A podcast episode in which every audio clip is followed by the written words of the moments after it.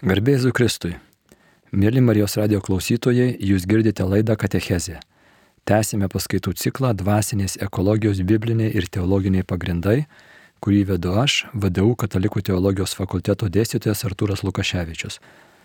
Toliau gilinamės į žmogaus dvasinį organizmą, į jo sielą, į jos dėsningumus, tas struktūras, taip kaip mūsų kūno įvairios struktūros, jos gali susirgti, jeigu mes nesilaikysime taisyklių, kurios dera mūsų mytybai, mūsų miegui, mūsų fiziniam aktyvumui. Lygiai taip pat ir mūsų dvasinė siela gali susirgti ir tas susirgymas galutinė tokia plačiaja prasme yra negebėjimas džiaugtis gyvenimu, matymas gyvenimo kaip pasibodėjimo verto, kaip neįdomaus, nereikšmingo. Ir praeitą kartą žvilgtelėme į tą dinamiką mūsų sielos sirgimo, tą bendrą dinamiką, tai yra, kai mes pažeidžiame mumise esančias struktūras arba biblinė kalba kalbant tas, tos ribas, kurias Dievas, Dievas kuriejas nubrėžė, e, tvėrėjas ir e, pažeidžiame jas siekdami pripažinimo valdžios ir malonumų, tas trilypis geismas, apaštalo Jono žodžiais kalbant, o pradžios e, knygos trečiame skyriuje tai apibūdinta kaip e, medžio vaisiai, kurie geri maistui, gražus akim ir žada duoti išminties. Štai tos trys didžiulės rytys, kuriuose mūsų siela, jeigu jinai pameta kūrėjų duotus orientyrus, jinai tampa besotė. Tai yra malonumai, turtas ir valdžia ir pripažinimas. Ir prasideda sielos sirgimas, kuris pradžioj būna kaip kūrėjų nubrieštų ribų pažeidimas, kaip veiksmas, tada tas, tas veiksmas perauga į įprotį ir toliau perauga į priklausomybę. Kai kuriais atvejais, kai kuriuose srityse e, išauga į priklausomybės. Ta sielos siela reiškia nueina savidestrukcijos keliu, savęs griovimo keliu, tai yra lyguistai siekia to, kas ją greuna. Taip priklausomybė atveju tas matosi jau labai ryškiai. Ankstesnėse dinamikose tai netaip ryškiai matosi, veiksmo lygmenyje mes darom nuodėmės, arba kitaip sakant, pažeidinėjom tas ribas, kurie nubrieštas dėl to, kad įduoda tam tikrą malonumą. Prisimenu, atsakiau, nuodėmė daug žada ir šiek tiek duoda, galų gale viską atima.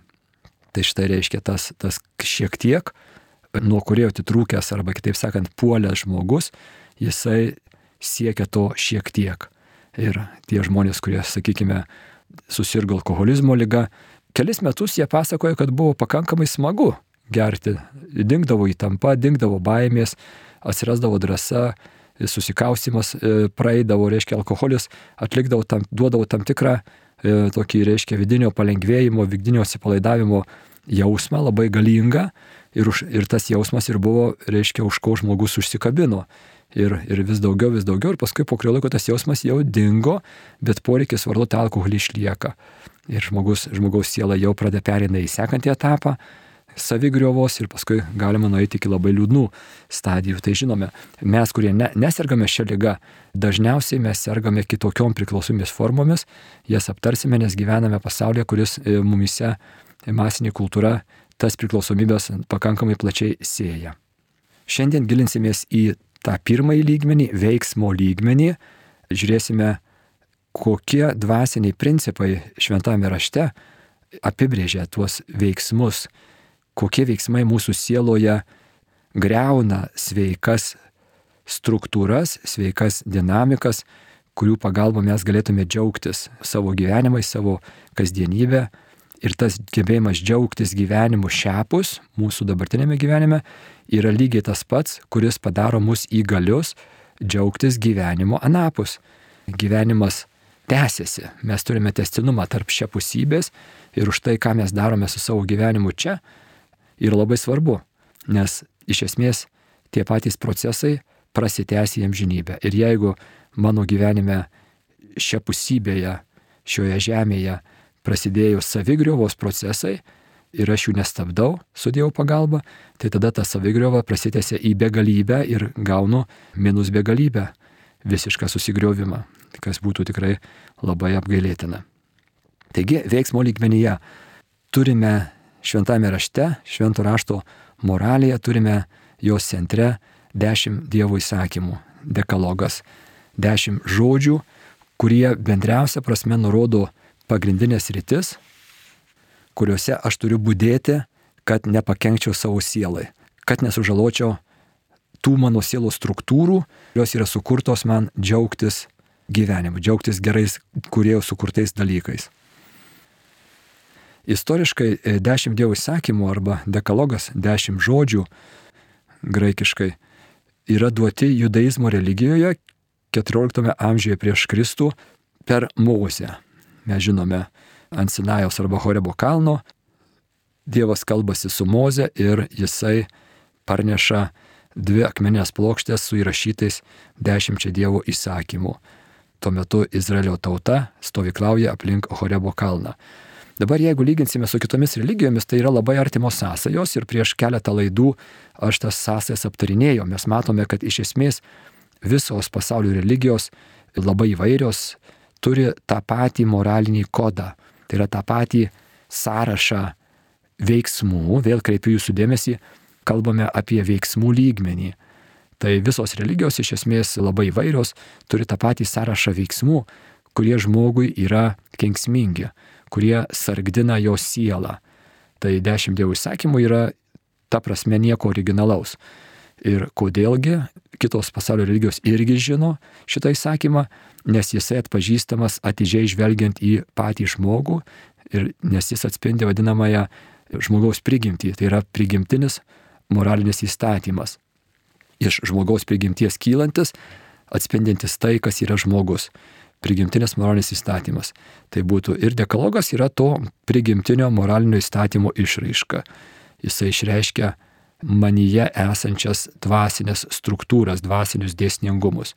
Tai dešimt dievų įsakymų. Pirmieji trys įsakymai nurodo gairias santykiui arba bendrystė su Dievu, su kurėju ir likę šeši įsakymai nurodo gairias santykiui arba bendrystė su kitu žmogumi. Labai svarbu šitos dešimt įsakymų suprasti ne kaip formalų atsiskaitimą, tarsi Dievas būtų koksai policininkas, stebintis mano veiksmus ir, ir žy, besižymintis mano klaidas ir mano e, blogybės, už kurias paskui aš būsiu nubaustas bet suprasti šitos dešimt įsakymų kaip kelio ženklus į bendrystės atstatymą, į mano sielos struktūrų išgydymą, kad aš galėčiau būti bendrystėje su Dievu, su kitu žmogumi, su kūrinyje ir galų gale su pačiu savimi. Tas pirmapradės bendrystės atstatymas ir netgi viršijimas Jėzuje Kristuje įvykstantis, tai dešimt dievų įsakymų yra suprastini štai šituo būdu daugybė žmonių neteisingai supranta krikščionišką moralę ir dešimt dievų įsakymų kaip tam tikrą tokį for, formalių pažeidimų sąrašą, už kurį Dievas vėliau nusidėlį nubaudžia. Tai labai svarbu, kad pamatytume, jog iš esmės nusidėlis nubaudžia patį save. Per savo nuodėmę nusidėlis suardo savyje esančias sielos struktūras ir jos negeba sveikai, laimingai funkcionuoti. Panašiai kaip per nesveiką mytybą žmogus suardo savo virškinimą, virškinimo sistemą, skrandžio opus atsiranda ir tada žmogus kenčia. Tai per nesveiką mytybą žmogus nubaudžia patį save. Per dešimt dievų įsakymų nesilaikymą nusidėlis nubaudžia patį save. Čia yra ypatingai svarbus dalykas, nes šiandien Lietuvoje labai plačiai paplitusi yra iškreipta Dievo kaip policininko samprata. Ir reiškia, žmonės mato Dievą kaip tam tikrą tokį rūstų stebėtoją, kuris žymisi jų klaidas ir vėliau už tas klaidas duoda bausmę, pragarą ar tą skaistyklą ir panašiai. E, labai neteisingas, iškreiptas įvaizdis, kuriam, ko stokojam šitam įvaizdyje. Stokojame sampratos, kad nuodėmi pačiam nusidėjėlyje kažką tai sugriauna ir padaro jį neįgalų, negebantį dalyvauti gyvenimo džiaugsme. Ir kadangi Dievas žmogui davė laisvą valią, tai tos laisv, laisvos valios nesugriaudamas, jisai negalėtų šito proceso sustabdyti. Kitaip sakant, Dievas gerbė žmogų, gerbė jo laisvą valią ir leidžia žmogui pačiam pasirinkti laisvą valią. Ką žmogus pasirinks, tą ir turės. esu tokį, irgi tokį kalambūrą žodžių žaismą girdėjęs, kad e, Dievas gerbė žmogų siaubingai. Siaubingai tikrai reiškia, jisai patvirtina žmogaus pasirinkimą ir jeigu žmogus pasirenka, padaro blogą pasirinkimą, tai Dievas tai patvirtina, nes to nepatvirtindamas jisai sunaikintų žmogaus laisvą valią. Ir prisimename, žmogaus laisva valia yra tai, kas padaro meilę įmanomą. Kadangi Dievui ypatingai svarbu suteikti man galimybę mylėti, tai jisai palieka man laisvą valią, netgi jeigu palikdamas tą laisvą valią rizikuoja tuo, kad aš tą laisvą valią panaudosiu prieš savo paties ir kitų žmonių laimę. Tai čia būtų tas, tas mūsų kaip puolusių žmonių blogio slėpinys, apie kurį kalba paštalas Paulius. Iškia tas, tas manyje esantis gebėjimas savo didžiulės milžiniškas galias, ypatingai galę bendrystę, nukreipti destrukcijos keliu. Savidestrukcijos ir kitų žmonių laimės destrukcijos keliu. Taigi e, dešimt dievų įsakymų e, nereiktų suprasti kaip e, tam tikrą sąrašą, kurį aš privalau išpildyti, kad Dievas mane mylėtų neteisingas bus supratimas. Dievas mane jau myli ir ta jo meilė jau dabar duodama ragina, skatina mane į ją atsiliepti, į tą meilę. Ir atsiliepimas ir būtų vienas iš to atsiliepimo elementų būtų pastangos gyventi taip, kaip Dievas nori, kad aš gyvenčiau. Tai yra laikantis dievo, dešimt dievų įsakymų. Ir taip pat tie dešimt dievų įsakymų išskleidžia mano visavertį gyvenimą per, per tuos dešimt Dievo įsakymų, per jų laikymasi, manyje išsiskleidžia ir vis labiau e, reiškiasi gyvenimas, tikrasis gyvenimas, kuris prasideda jau šioje žemėje ir tęsiasi amžinybėje. Taigi žvelgime šitų būdų ir mes išvengsime to formalistinio, tokio buhalterinio požiūrio į dešimt dievų įsakymų, kur, kur žmonės tarsi pliusiukų susideda ir jaučiasi jau, kad viskas gerai, tarsi atsiskaitė su Dievu, lyg Dievui reikėtų to atsiskaitimo. Dievui reikia net mūsų tam tikrų veiksmų, o mano vidinio perkeitimo, manęs kaip perkeistos būtybės, kuri yra pajėgi dalyvauti jo norimam, jo siūlomam gyvenime, pilnatviškam gyvenime ir tas pilnatviškas gyvenimas būtinai apims ir dešimt dievų įsakymų laikymasi. Bet tai bus tokia natūrali E, tasa to gyvenimo išraiška, o ne kažkas tai kaip nusipelnimas jo.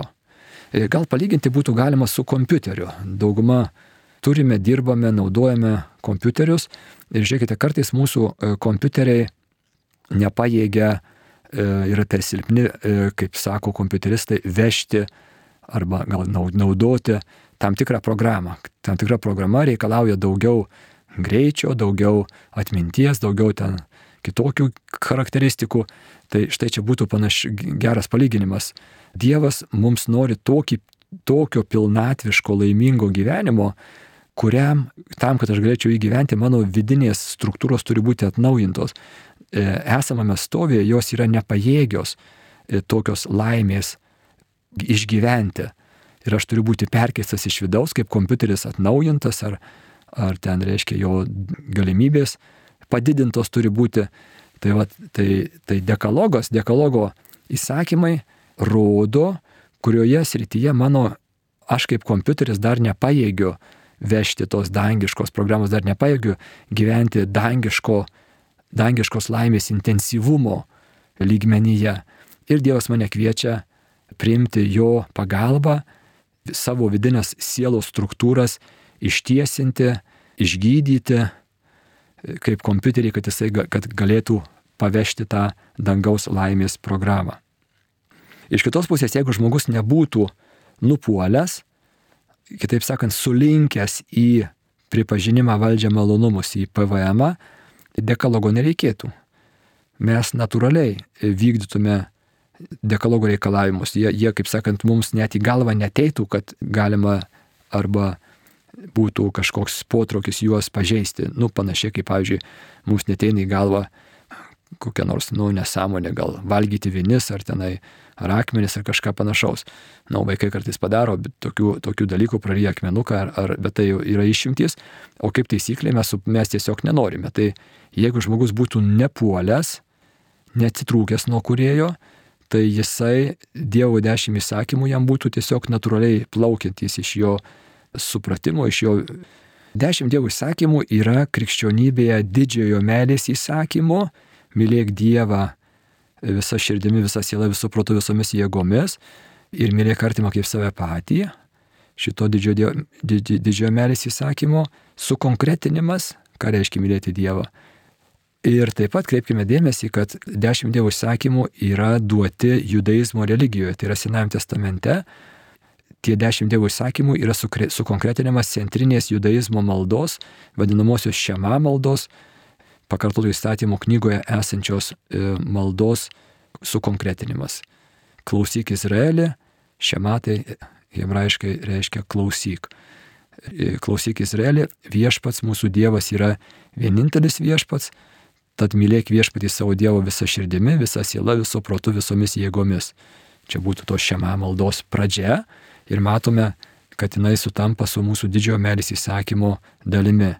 Mylėk viešpatį visą širdimi, visą sielą, visų protų, visomis jėgomis. Taip pat dekalogas turi svarbų vaidmenį ugdant teisingą sąžinę. Atsimenate, irgi prieš keletą savaičių kalbėjau apie tą mumise esantį e, kompasą vidinį, e, rodantį, kas man kenkia ir kas man reikalinga yra mano kasdieniuose pasirinkimuose, mano elgesyje. Tai žinodami dekalogą turime įrankį ugdytis teisingą sąžinę, kad galėtume pasirinkti dvasinį, taip sakant, maistą, dvasinius dalykus, kurie manęs negreuna, mane stato ir didina mano gebėjimą būti laimingu. Dešimt dievų įsakymų arba dekalogas Senam testamente yra pristatytas keliose vietose. Pagrindinės yra pakartotų įstatymo penktasis skyrius ir išėjimo knygos dvidešimtasis skyrius. Ir svarbu kreipti dėmesį į preambulę. Prieš dekalogą yra prisistatymas, kalbantysis prisistato, sako, aš esu viešpats tavo Dievas, kuris išvežiau tave iš Egipto žemės, iš vergyjos namų.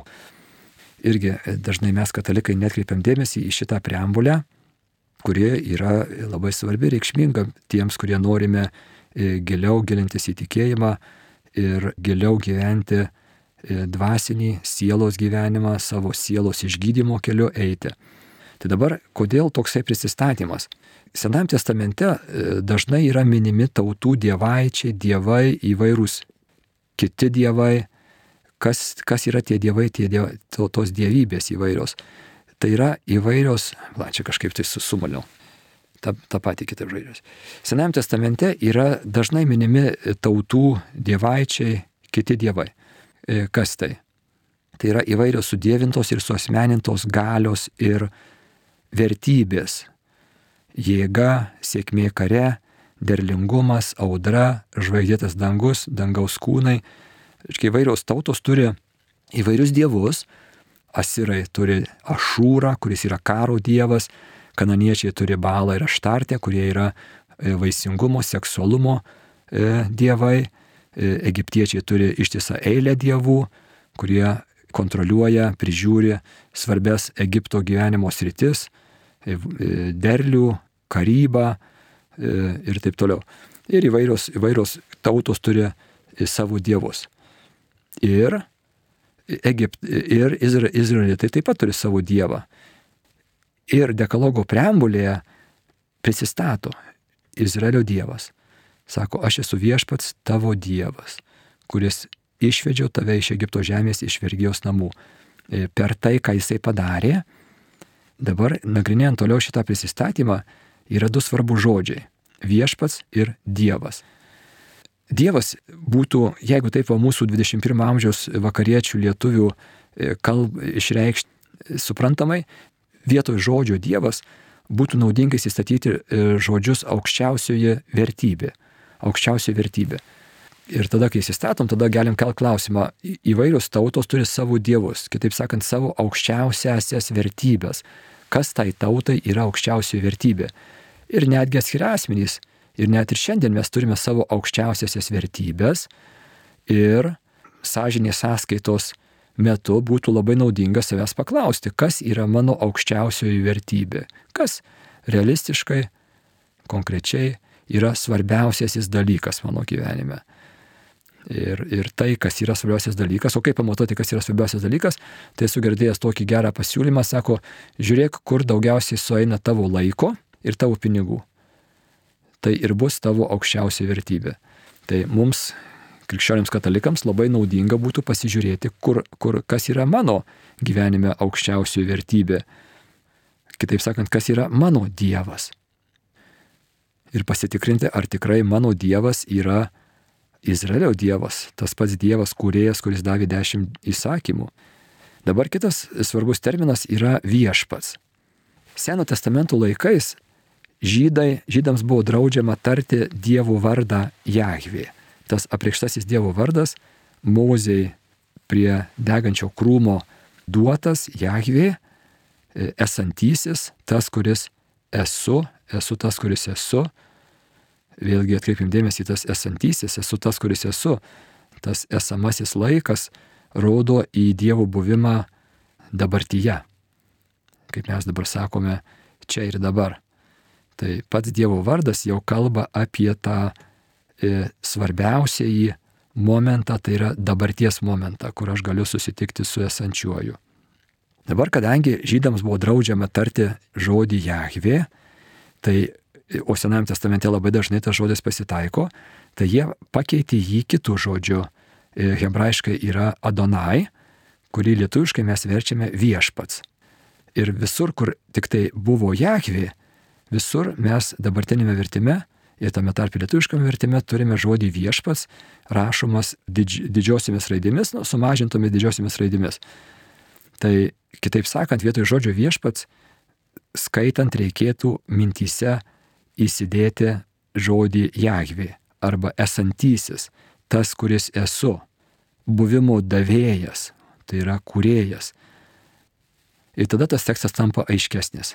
Pakeitus žodį viešpats, žodžiu kurėjas, o žodį dievas, fraze aukščiausioji vertybė, tampa man 21 amžiaus lietuviui šitas prisistatymas, šita preambulė aiškesnė. Aš esu kurėjas, tavo aukščiausioji vertybė, kuris išvedžiau tave iš Egipto žemės iš vergijos namų. O šitą preambulį verčia mane kritiškai pasižiūrėti į savo gyvenimą, keliant klausimą, ar tikrai kūrėjas, esantysis, dešimties Dievo įsakymų autorius yra mano aukščiausia vertybė. Ir dešimt Dievo įsakymų yra konkretūs pasitikrinimo momentai šitam klausimui atsakyti.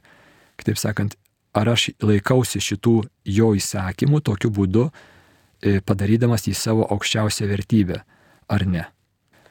Pristačius dekalogą iš karto pabrėžiama, kad įsakymų laikymasis yra nukreiptas į mano paties gerovę, į pačių žmonių gerovę.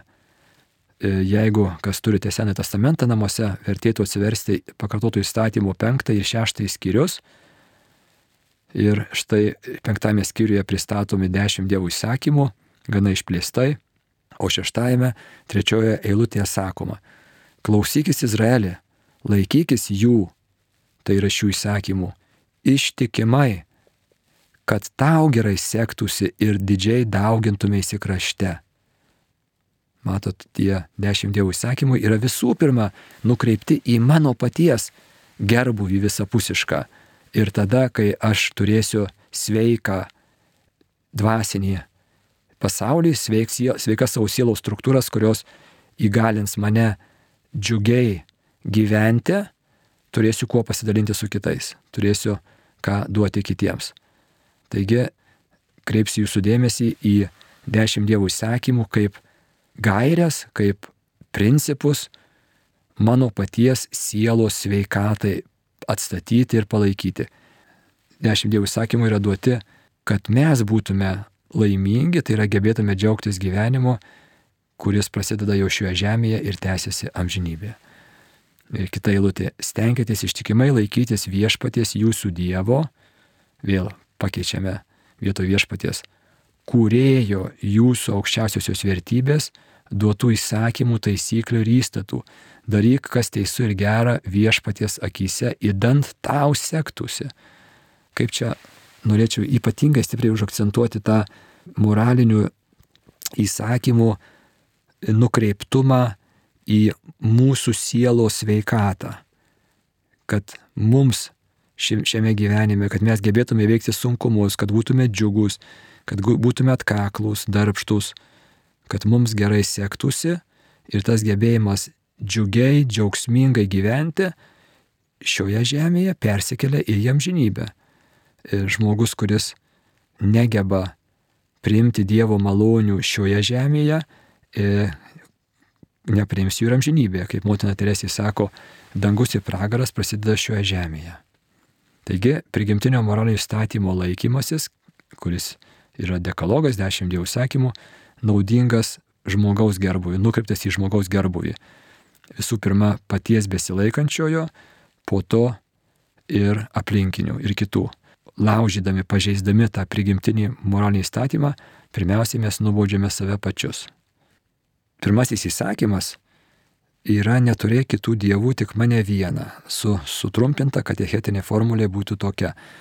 Vėlgi, ką tai reiškia, neturėk kitų aukščiausių vertybių, tik tai patį kūrėją. Ar kūrėjas, buvimo autorius, buvimo davėjas, yra tavo aukščiausia vertybė? Štai tas raktinis klausimas, nuo kurio priklauso mūsų ir šiapusinis, ir anapusinis gyvenimas, amžinasis gyvenimas priklauso nuo jo. Pats svarbiausiasis klausimas yra, kas yra tavo Dievas. Ir būtų labai naudinga, kaip jau minėjau, pasitikrinti, kas yra mano aukščiausia vertybė. Ir dažniausiai rasime, kad į mano aukščiausiosios vertybės postą poziciją e, veržėsi kokia nors forma e, trilypio geismo, pripažinimo valdžios malonumų. Kažkoks elementas nori užimti tą vietą, kuri priklauso tik tai Dievui. Kitaip sakant, aš bandau save padaryti laimingu ne per santyki su Dievu, o per santyki su e, pripažinimo valdžia malonumais, gaudamas didelį kiekį šito vadinamojo PVM. -o religijos psichologai kalba apie, apie jėgos ir vertės centrą. Kas yra tas svarbiausias dalykas tavo gyvenime, kas yra tas jėgos ir vertės centras, į kurį atsispirdamas tu darai svarbiausiosius pasirinkimus, didelius ir mažus savo gyvenimo, tai, kas mus motivuoja gyventi, motivuoja, duoda motivaciją ryte atsikelti ir eiti į darbą, daryti dalykus, kurių nenorime, kas yra tas e, atspirties taškas. Tai klausimai, kurie galėtų padėti tai atsakyti, gali būti įvairūs, kur nukeliauja neproporcingai daug mano laiko, dėmesio ir pinigų.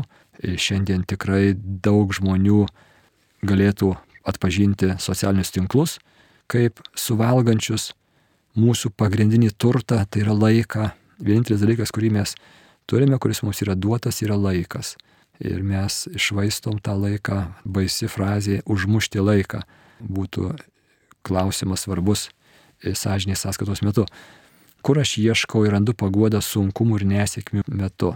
Irgi neseniai girdėjau, kalbėdamasis su studentais, su draugais, kad šiandien dažnas žmogus tik prabudęs siekia savo mobilaus telefono, įsijungia internetą ir eina į naujienų portalus. Vėlgi, kreipkim atidžiai mūsų dėmesį ir ar tikrai mes savo dėmesį tik prabudę skiriame tam, kam, kam jisai turėtų būti skirtas, reiškia patiems svarbiausiasiems dalykams, priminti savo svarbiausias gyvenimo ir šiandienos gairias. Labai reti naujienų portalai šitą klausimą atsakytų teisingai. Dažniausiai tie naujienų portalai yra pilni kvietimo siekti pripažinimo valdžios malonumų, PVM. -ų. Galima klausti savęs, ko aš labiausiai bijau netekti, kada aš labiausiai supykstu, kai grėsia man kažko tai netekti arba iškilus grėsmė, ką aš ginu iš visų jėgų. Tai šitie klausimai nėra lengvi ir nėra labai lengvi juos atsakyti, nėra taip labai paprastuoliška, kad va, jeigu taip atsakau, tai gerai, jeigu kitaip atsakau, tai blogai. Šeima, uždarbis, karjera nėra blogi dalykai.